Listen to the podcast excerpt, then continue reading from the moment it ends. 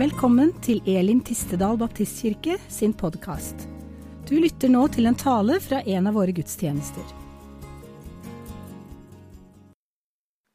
Ja, så fint å være på Elim igjen etter en eh, lang og fin sommer.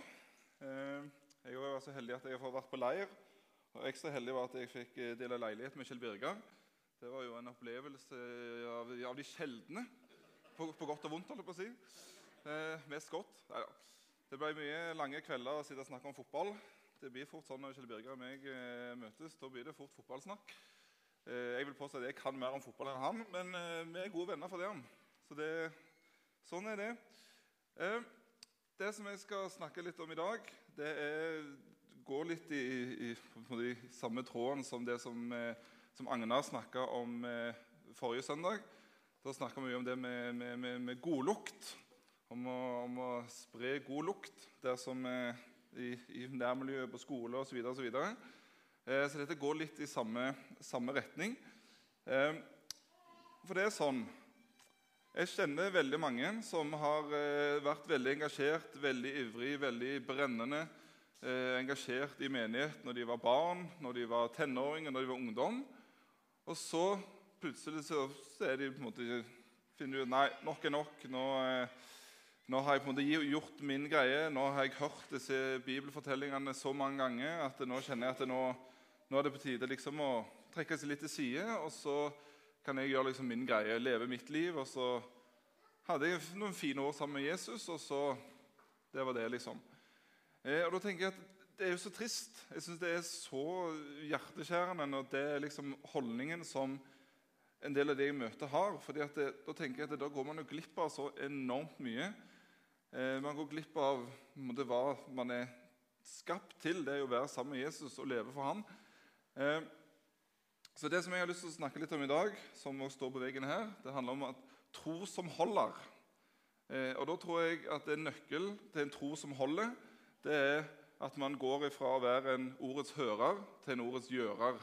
Det vil si at man man lever det man hører. Man, når man leser i Bibelen, så, så, gjør man det som Bibelen sier. og man, man, ja, Det står jo mye i Bibelen om det med å være, ikke bare være ordets hører, men ordets gjører. Eh, det har jeg erfart selv. at det er Mye teori, det er fint og flott. Man kan bibelhistorier på rams.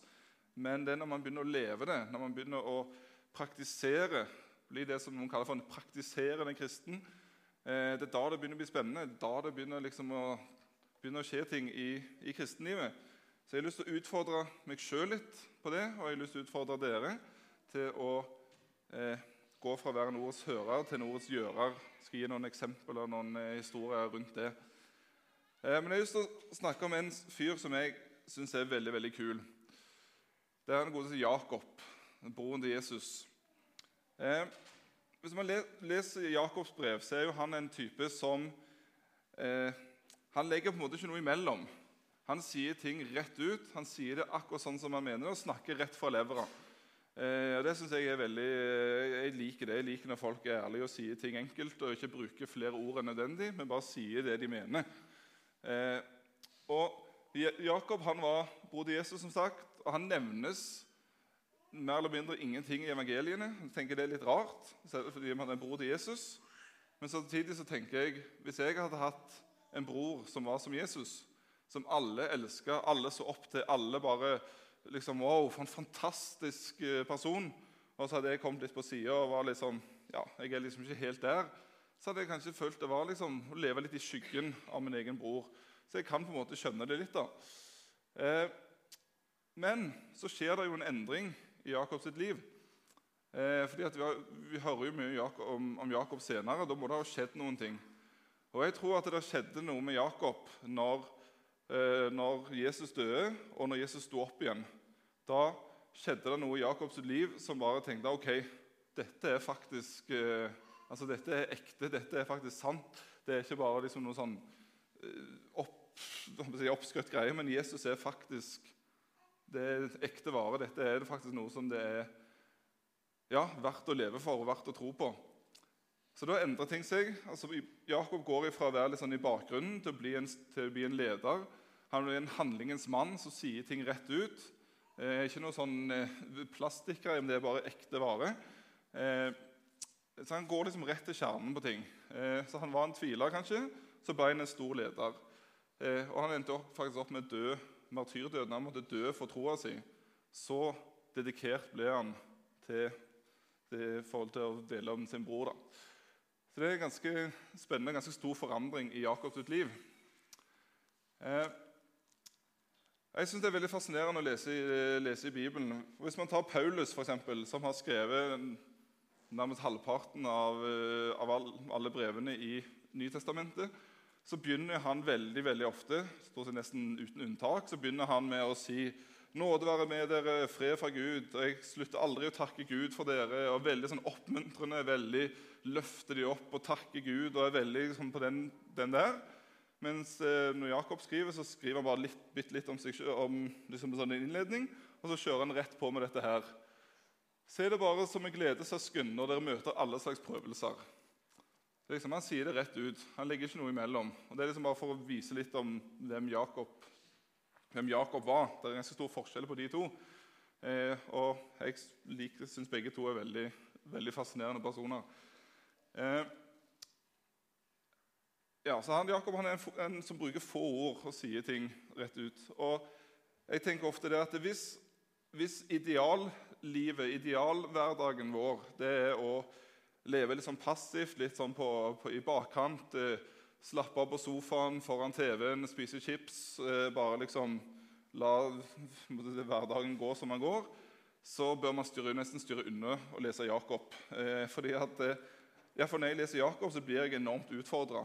Jeg blir enormt inspirert. Jeg blir, kjenner litt på ok, her må jeg faktisk velge å, å, gjøre noen ting. Her må jeg faktisk velge å gjøre noe med det jeg tror på. Så det, det på en måte sparker meg litt i baken da, når jeg leser Jakob.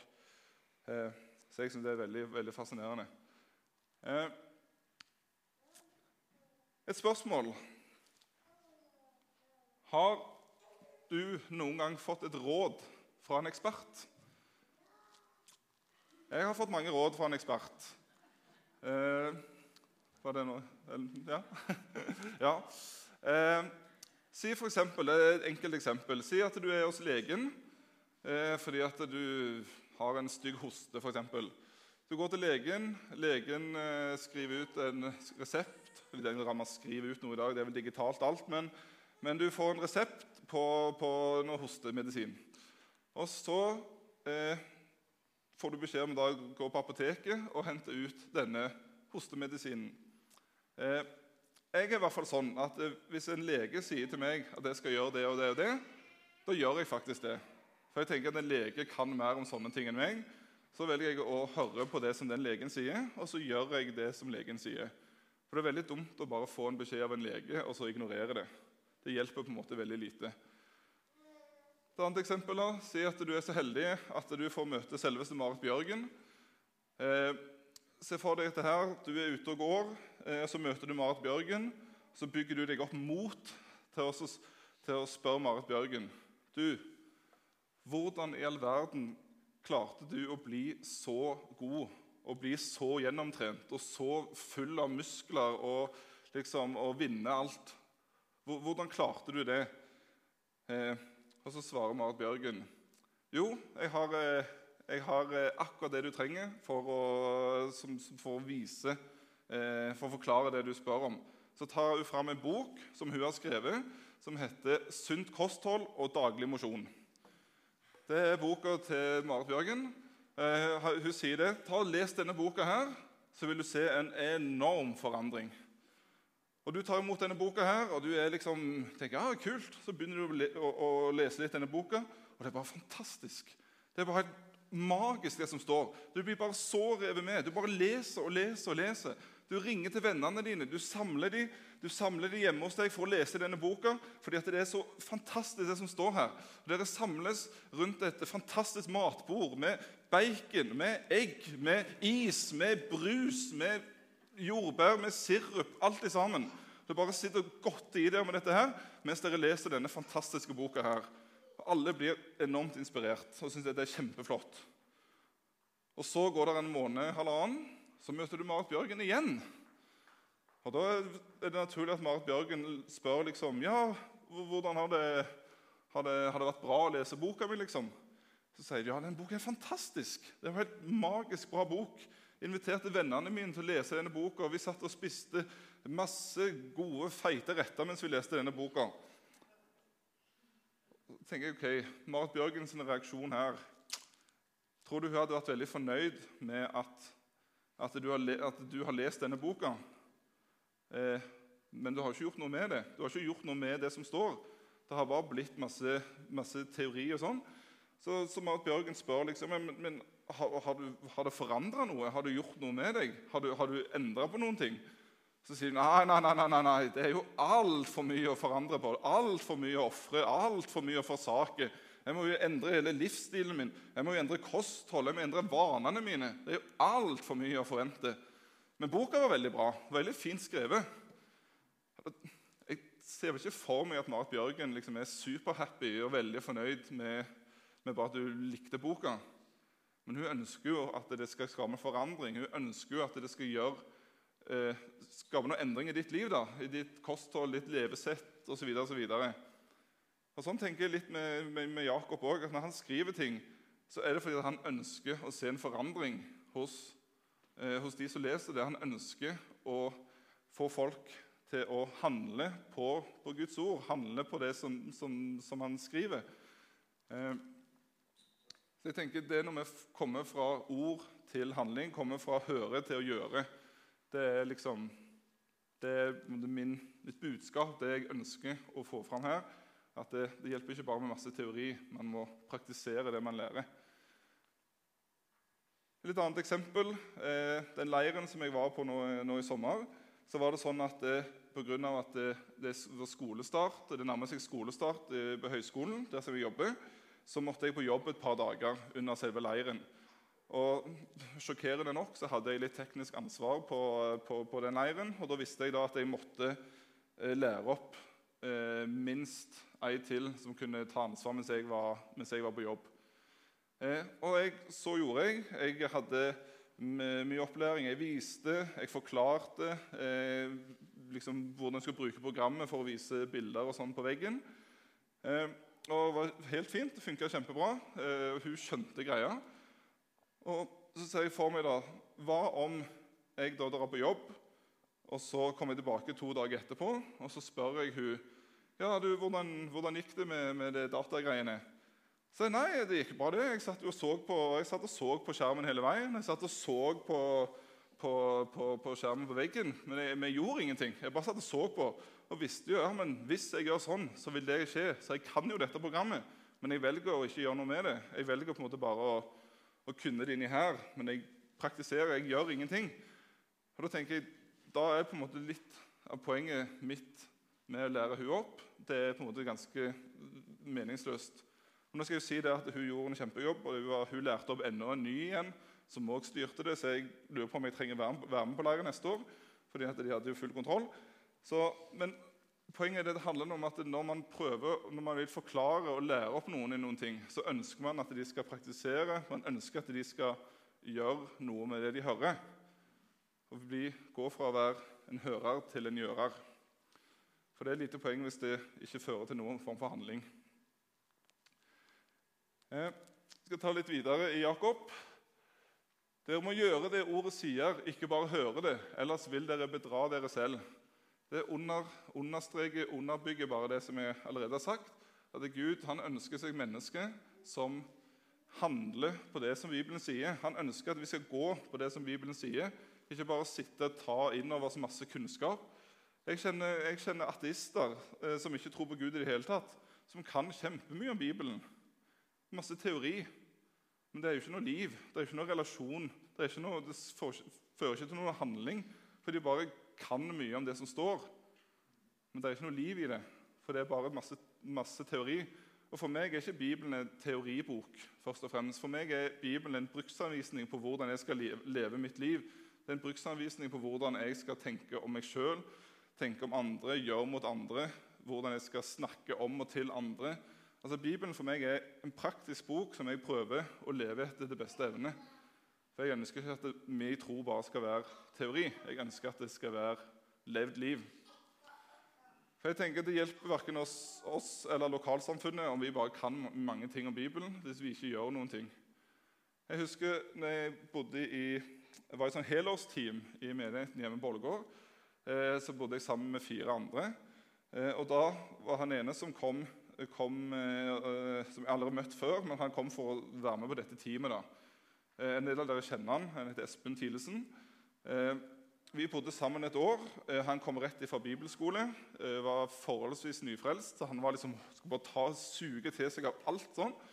Eh, og de første månedene Dette har jeg lov å si, altså, så det er ikke noe sånn, men de første månedene så satt han stort sett inne på rommet sitt og bare leste. Han leste i Bibelen, han til, leste kristen litteratur og, og, og, satt der og var ute av rommet liksom, når, han, når han måtte, når han hadde en eller annen praktisk oppgave. Eh, og Vi hadde mye besøk av ungdommer gjennom, gjennom, de månedene. Men han satt stort sett inne og, og, og leste. Og Da utfordra jeg han. Jeg var litt modig og kanskje litt frekk. Eh, men jeg utfordra han litt og sa du, tro, Tror du at veldig mange blir frelst av at du sitter på rommet ditt og leser mye bøker? Så måtte han tenke litt sånn ah, Kanskje ikke. Eh, og Jeg sier ikke at det er på en måte min fortjeneste, eller sånn, men fra den dagen der så skjedde det noe i, i Espen sitt liv. Han ble mye mer sosial, mye mer engasjert, mye mer med på ting. Og han fikk mye større sosialt nettverk og nedslagsfelt. For Jeg tror det er noe med en balanse der. At man, må, man kan ikke bare lese masse ting og ta til seg mye kunnskap. Man må òg praktisere det og leve det ut. For da tror jeg, Det tror jeg er en tro som holder. For en tro som bare hører, den tror ikke jeg holder. Jeg tror at det da kommer til et punkt et metningspunkt der man, man har hørt alle historiene, man har hørt alle fortellingene, har, man har lest eh, Bibelen og hørt alle ting før. For hvis det bare blir teori, så blir det tørt. Tror jeg, da. Så det er noe med å praktisere det man hører, det man, det man leser. Og da tror jeg å gjøre det, så vil man spre en godlukt i lokalsamfunnet, i, på jobben, på skolen, blant, blant venner hvis man praktiserer det man leser. Eh, til å lese litt i Matteus eh, kapittel 7, vers 24-27. Det er en historie som, eh, som mange av dere har hørt før. Hver den som hører disse mine ord og gjør det de sier, ligner en klok mann som bygde huset sitt på fjell. Regnet styrtet, elvene flommet, og, vind, og vindene blåste og slo mot huset men det falt ikke, for det var bygd på fjell. Og Hver den som hører disse mine ord og ikke gjør det de sier, ligner en uforstandig mann som bygde huset sitt på sand. Regnet styrtet, elvene flommet, og vindene blåste og slo mot huset. Da falt det, og fallet var stort. Spørsmålet mitt til dere og til meg sjøl når, når, ting stormer, når livet er vanskelig, når, eh, når relasjoner blir brutt, når eh, ting går dårlig på jobben, på skolen, når, når det er vanskelige relasjoner eh, Ting stormer i livet ditt. Hva er ditt liv bygd på, da? Hvilket fundament og hvilken grunnmur er ditt liv bygd på? Det tror jeg er et veldig vesentlig spørsmål som vi alle bør stille oss. Eh, og det som Problemet i denne, i denne lignelsen, denne fortellingen her, det, det, er ikke budskapet. Problemet er ikke budskapet, for begge hører akkurat det samme ordet, begge hører akkurat det samme budskapet. Det er bare den ene velger å ignorere det, mens den andre gjør det som ordet sier. Og da står, da står huset støtt. Da står det på, på en stødig grunnmur, og det blåser ikke fram og tilbake med vinden, men det står støtt. Så utfordringen og spørsmålet jeg har til meg sjøl og til dere, er hvem av de her er du? Hvem av de er du? Hva er ditt liv bygd på? Hvilket fundament er ditt liv bygd på? Og jeg tror et liv som er bygd på Guds ord og praktiserer Guds ord, det er et liv som står støtt på, på fjell. Det er sikkert sånn at du, Vi har alle områder i livet vårt som der vi, vi, vet hva som er sant. Vi vet hva Bibelen sier om tiende, om, om seksualitet, om samliv, om eh, alkohol Alle de tingene vi vet hva Bibelen sier om det. Men likevel så har vi utfordringer i forhold til det.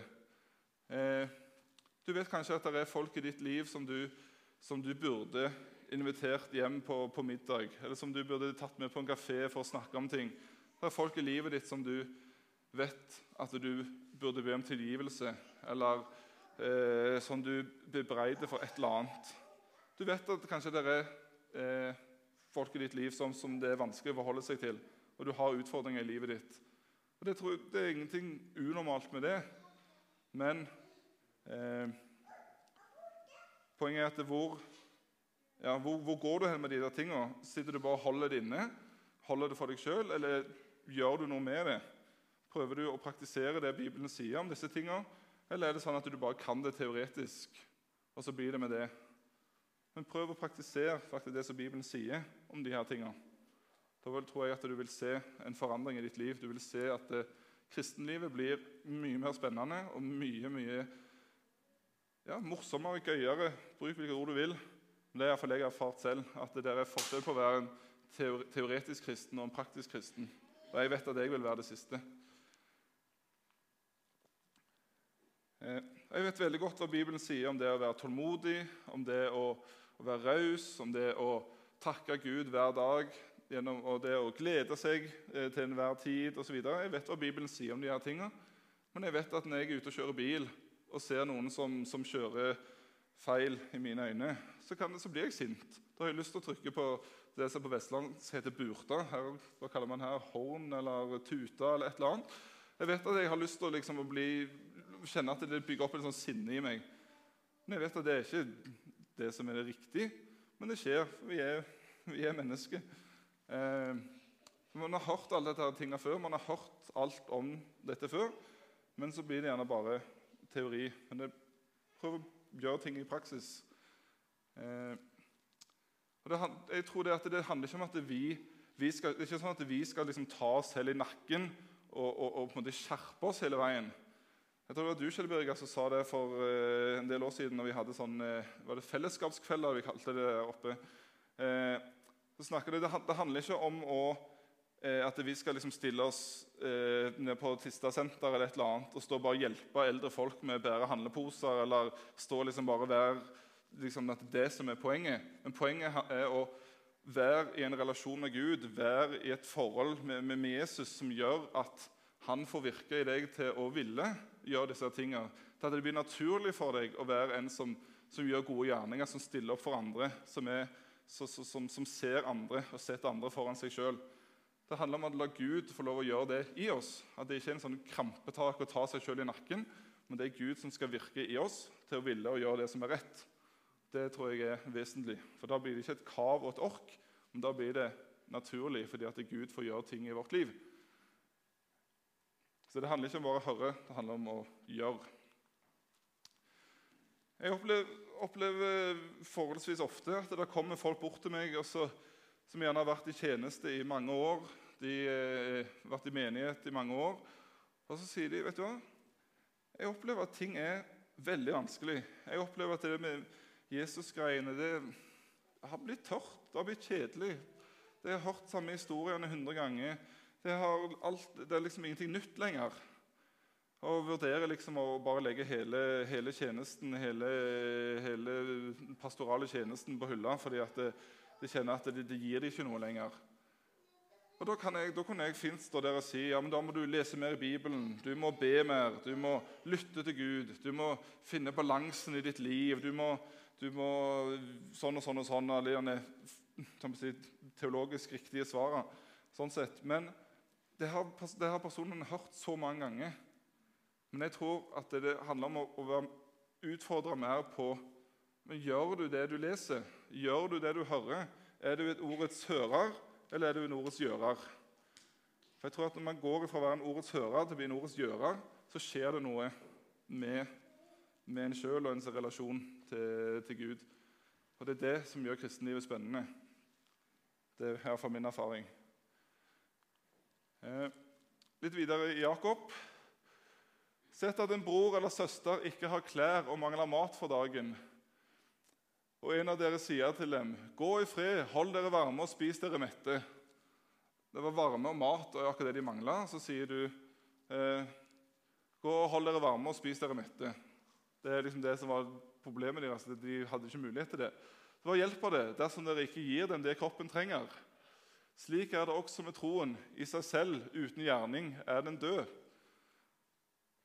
Og Da er det veldig mange som tenker, meg selv inkludert, sammenligner det som Paulus, Paulus snakker om, om eh, av nåde er dere frelst ved tro, og det ikke av gjerninger, for at ingen skal kunne rose seg. Er det da her at Jakob da står og motsier Paulus? Noen vil kanskje hevde det. Jeg tenker på en litt annen måte. Mulig at jeg, er, eller vet jeg er veldig enkel, men gjerne på dette òg. At sånn som jeg tenker om dette her, så er ikke det at de motsier hverandre. At det, liksom, de går i klinsj med hverandre. For vi er frelst ved, av nåde ved tro på at Jesus døde på et kors og sto opp igjen. Det er det ingen tvil om. Bibelen er kjempetydelig på det. Det er det vi er frelst ved Guds nåde, og ikke av gjerninger. Det eneste er at vi må ta imot. Eh, så den, det stiller ikke noe spørsmål med det, så slapp helt av. Det er to streker under svaret der. Men jeg tenker at det som, det som Jakob mener, for det som jeg tenker at Jakob mener, er det at det, når vi lever i en relasjon til Gud, når vi lever nær til Han, vi lar Han få lov å virke i vårt liv, så vil resultatene av det vil bli gode gjerninger. Fordi at, det er Han som får lov å virke i oss. Det, det kommer innenfra og ut fordi at Han er den som får, får, så ting inn i vårt liv. Det er Han som får virke i oss. Det er Han som får påvirke vårt liv, og at det igjen fører til, til gode gjerninger. Det er litt sånn som det står her. Så Gode gjerninger skaper ikke tro. Man kan, gjøre, man kan gi millioner til veldedighet eh, og tenke at det er kjempefint. Det betyr ikke at du blir en troende, at du blir en kristen av den grunn. Men gode gjerninger viser sin tro. For Når vi lar Gud få lov å virke i vårt liv, lar Gud få lov å få ta kontroll i vårt liv, og blir ordet, går fra å være bare ordets hører til å bli både hører og gjører, så tror jeg at det Altså, ting blir mye bedre, ting blir mye mer spennende. Veldig enkelt bilde igjen. Si at du sår tomatfrø i god jord, i god jordsmonn. Du sår disse tomatfrøene. Så går det sin tid. Jeg vet ikke hvor lang tid det tar, men det går sin tid. Og så vokser det opp tomater. Det er forholdsvis naturlig at det man, sår man tomatfrø, øh, så er det tomater som, som kommer. Eh, det er det man sår, det høstes. Eh, og sånn tror jeg det, det er for meg et bilde på at når vi når vi lever nær til Gud, har en levende relasjon til Han, vi søker Gud hver dag, vi praktiserer det vi tror, så lar vi Gud få lov å så frø inn i våre liv, så blir det noe som skaper godlukt. Det er noe som, som, skaper gode gjerninger i oss. Det er noe som, som gjør at åndens frykter får mye større mulighet til å, til, til å, påvirke vårt liv, til å forme den vi er. Og Da blir det ikke et sånn krampaktig å ta seg selv i nakken-opplegg, men da er det Gud som får lov å gjøre sitt verk i våre liv. Og Da blir det å gjøre gode gjerninger, det å, å, å ha den Jesus-utstrålingen, det er det mest naturlige i verden. Fordi at det er han som gjør det. Ja, så Jeg tror ikke at det er sånn at det, det er gjerninger på én side og, og, og, tro på den andre sida, at de klinsjer. Men jeg tror de henger sammen. Det tror jeg. Eh. For vi er Hans verk, skapt i Kristus Jesus til gode gjerninger, som Gud på forhånd har lagt ferdig for at vi skulle vandre i dem. Så vi er skapt i Kristus Jesus til gode gjerninger. Når vi er skapt til gode gjerninger, så tenker jeg at da skal det ikke være et strev og et kav og et ork å gjøre gode gjerninger. Når det er det vi er skapt til, det er det Gud har designet oss til, å gjøre gode gjerninger. Men det blir, som jeg har sagt, hvis vi på en måte gjør det til en sånn en vi skal ta oss selv i nakken, så blir det vanskelig. Da blir det en utfordring. Da det, kan det bli tungt og vanskelig. Men jeg tror at hvis vi holder oss nær til Gud, så holder Han sin nær til oss. Hvis vi lar Han få lov å forme våre liv, hvis vi praktiserer det vi tror, så vil gode gjerninger bli et resultat av det. Og vår relasjon til Gud vil bli mye sterkere. Vårt fundament når ting stormer, vil bli mye sterkere fordi at vi lever ut troa vår. Vi går fra teori til praksis. Eh, så det er Gud har skapt oss til dette. Gud har skapt oss til gode gjerninger, så det er vi må koble oss på Han. Det tror jeg er vesentlig. Eh, en ting som jeg har begynt å gjøre eh, for å bli, bli enda mer enn ordets gjører, det er at jeg har begynt å takke Gud hver dag. Når jeg står opp om morgenen og når jeg legger meg på kvelden, så takker jeg Gud. Jeg finner ting i livet mitt som jeg kan, som jeg kan takke Gud for. Og Det gjør at jeg skifter fokuset vekk fra, fra meg sjøl og opp på Han. Og det gjør at jeg skifter fokus fra alt det som jeg opplever at jeg ikke har, og til å bli, ha fokus på det som jeg faktisk har, det som Gud har gitt meg. Og Det gjør noe med, med, med holdningen, det gjør noe med innstillingen, det gjør noe med tilnærmingen til, til min hverdag. når jeg har den, den, holdningen der. Jeg har en kollega som heter David, eh, populært kalt 'Takk Jesus'. Eh, han er en person som takker Jesus uansett. Uansett vær og vind så sier han 'takk, Jesus'. Om, eh, om, om eh, gulosten har blitt svett i løpet av dagen, og lunsjen kommer, så takker han Jesus uansett. Om det er stormer ute, så takker han Jesus. Uansett. Han har en sånn takknemlighetstilnærming til, Jesus som jeg syns er utrolig smittende. Et, eksempel på det var at når vi var på en sånn stabsdagopplegg på Fangene på fortet i Oslo det er sånn Du går i forskjellige rom og så utfører du forskjellige oppdrag. både sånn teoretisk, praktisk og sånn. Eh, og så konkurrerer du mot andre lag. Så Vi delte opp staben i flere lag, eh, og så var David og meg på samme lag. Eh, og Vi kniva mot et annet lag for å unngå sisteplassen. Eh, for det er jo liksom ydmykende å komme sist, eh, selv om de siste skal bli de første. Men vi tenkte ikke sånn i denne sammenheng. Eh, så da lå vi dessverre rett bak de som var nest sist. Inn, liksom, før vi gikk inn i et av de rommene. Eh, og så klarte vi å løse den oppgaven veldig bra. Eh, vi fikk mange poeng. Og Så gikk vi ut av det rommet så løp vi bort til en sånn stor skjerm der vi kunne, kunne se hva, hva eller hva nåværende stilling var. Og Da hadde vi gått opp på nest siste plass. Og midt blant mye folk så roper bare David 'Takk, Jesus!' Det var liksom, Selvfølgelig må jo takke Jesus for det òg. Han, han, er en sånn type som takker Jesus uansett. Så jeg, jeg synes han er ja, for, forbilledlig. Eh, for en, en person som, er, som, har det fokuset, som takker Jesus hver dag. Eh, så er litt sånn, eh, veldig sånn kristelig, veldig sånn eh, svevende ord. Eh, men åndelig fornying Det har sikkert en veldig sånn dyp teologisk si, eksegese, et eller annet. Men som sagt, jeg er en praktiker er en teolog. Så jeg når jeg tenker ordet åndelig fornying, så tenker jeg at det handler om å, at Gud får starta en prosess i ens liv. Eh, jeg har opplevd det når noen ting kanskje har vært litt vanskelig. Så jeg har opplevd at når jeg da tør å ta et steg i tro, så begynner det å starte en prosess i mitt liv der jeg eh, opplever at jeg får, får, hjelp til å legge de vanskelige tingene bak meg og, og strekke meg mot det som ligger foran. Og Da starter en åndelig fornying i mitt liv. Eh, eksempel på det er når, jeg, eh, når vi fortsatt bodde på Pålegård, og jeg var, var, ansatt i menigheten der, i baptistkirka, så, så, var det et par år der jeg liksom opplevde at ting, ting, var litt vanskelig. Jeg opplevde at jeg måtte liksom kjempe mot tradisjoner, måtte kjempe mot, eh, mot uh, andres frykt for å tenke nytt og gjøre ting annerledes. Eh, opplevde litt sånn vanskelig med noe samarbeid med andre. og litt sånn. Jeg opplevde liksom, at tjenesten var litt tung. Det var vanskelig. Jeg kjente ikke noe glede i det å være eh, ungdomspastor.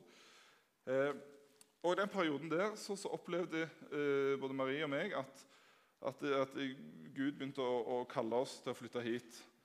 Eh, og I begynnelsen så kjempa jeg imot, fordi at jeg har en mor hjemme som har MS og sitter i rullestol. Jeg tenkte jeg kan jo aldri flytte, flytte hjemmefra. Liksom. Jeg bodde jo ikke hjemme, men flytte liksom fra, fra Ålgård. Jeg må jo være hjemme og hjelpe til og, og, og stille opp. Eh, så jeg sa til Gud at dette, dette ikke dette, dette, går jo bare ikke. Eh, men, men, men, det ville på en måte ikke slippe. Tanken på det ville ikke slippe. Så jeg utfordra Gud i den grad man skal gjøre det. Men jeg sa at hvis vi skal flytte, så må du gjøre noe med hjertet mitt først og fremst. enda mer. Eh, og du må legge ting praktisk til rette eh, i forhold til mor og far og, resten av familien. Eh, kort fortalt, ting la seg veldig til rette. Det kom inn en ny assistent eh, til mor som er superflink. Eh, så, så, ting fungerer veldig bra. Og eh, vi tok et steg i tro og flytta hit uten, uten, å ha jobb. Men vi opplevde at det var her Gud ville ha oss. Eh, og Måten ting ble lagt til rette på, både med, i forhold til mor, i forhold til andre ting, i forhold til at jeg har fått jobben på, på HLT og fått jobb her etter hvert òg, det har vært for meg en, en åndelig for, fornying. Der jeg har fått en enda større og fornya tro på Gud. At Gud har kontroll. Gud eh, ser ting som jeg ikke ser, og har full kontroll på ting. Så det at jeg, vi sa ok Gud, nå velger vi å stole på deg, vi tok det steget og flytta hit, det var for meg kanskje det største åndelige fornyelse i mitt liv. Men det begynte med at jeg sa ok Gud, nå velger jeg å stole på deg. Jeg tok et steg i tro. Det tror jeg at Altfor ofte så sitter vi gjerne og bare venter på at vi skal få en annen åpenbaring. Men jeg tror at det å ta et steg i tro og stole på at Gud er med. Når man leser om eh, når Jesus metta 5000, 5000 menn, så underet skjer jo idet de begynner å dele ut. Når, det, når, de gjør en ting, når det skjer, når de begynner, da begynner underet å skje. Så det med en åndelig fornying Jeg tror at Gud stadig vil kunne gi oss åndelig fornying, vise oss nye ting. Og Det handler om at hvis man opplever at Gud kaller, Gud sier noe til oss, ikke bare hør det, men gjør det. Da skjer det noe eh, i ditt liv. Det er jeg overbevist om. Og da får du en tro som holder. Og Jeg vet ikke hvor du er henne, jeg vet ikke hvor du står. Jeg kjenner ikke alle til, eller livshistorien til dere. Jeg vet ikke om, om eh, det er sånn at du lengter tilbake til en brann som du hadde når du var, når du var yngre. Eh, kanskje du trenger en åndelig fornyelse. Kanskje du trenger å si ja til Jesus for første gang. Eh, kanskje du trenger å si ja til Jesus for 150. gang. Eh, ønsker du å starte litt på ny.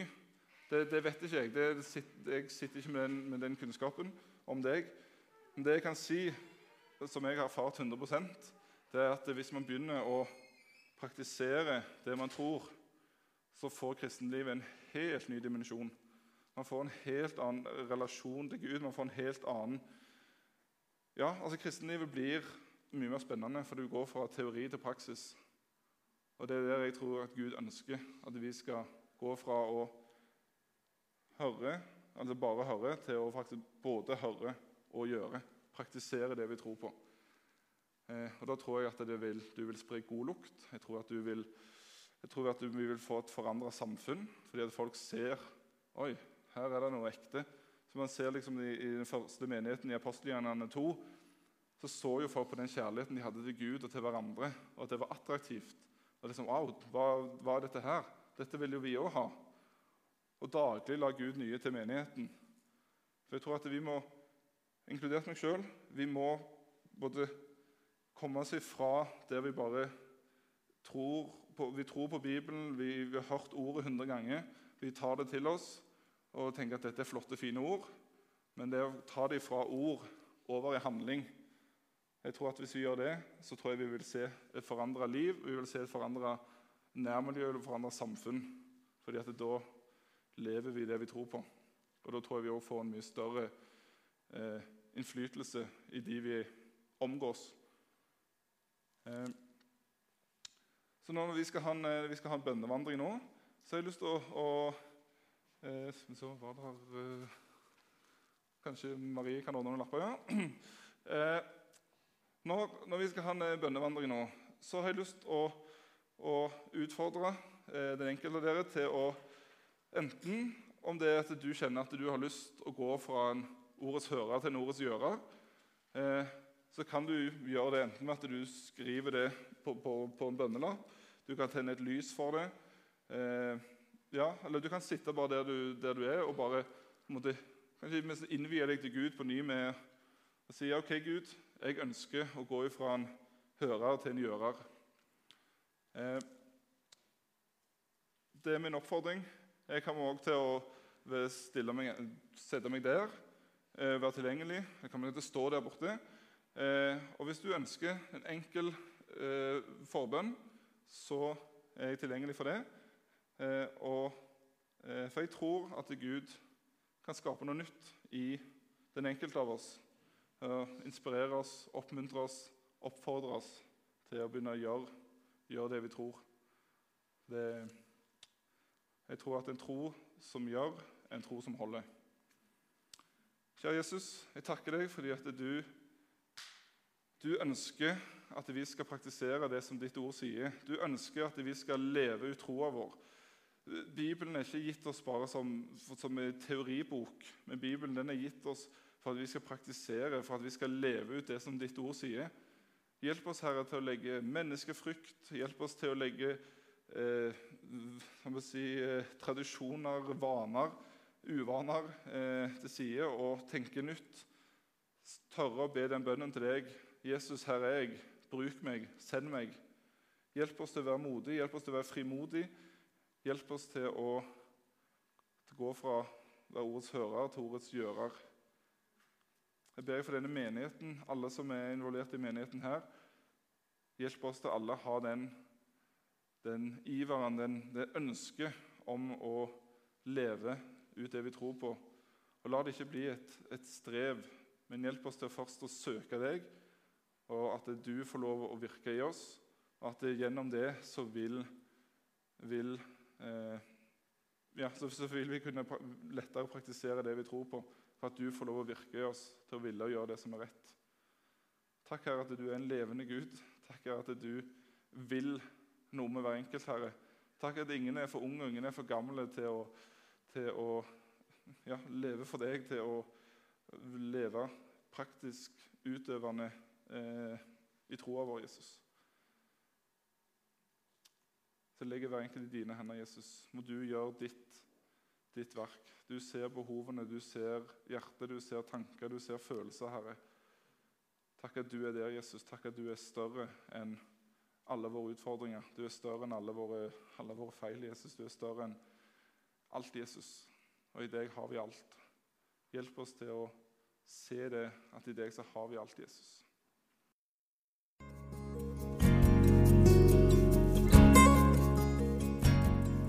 For at du lyttet til denne talen. Håper du ble inspirert. Ønsker du å vite mer om hvem vi er og hva vi gjør? Sjekk ut vår hjemmeside elintistedal.no.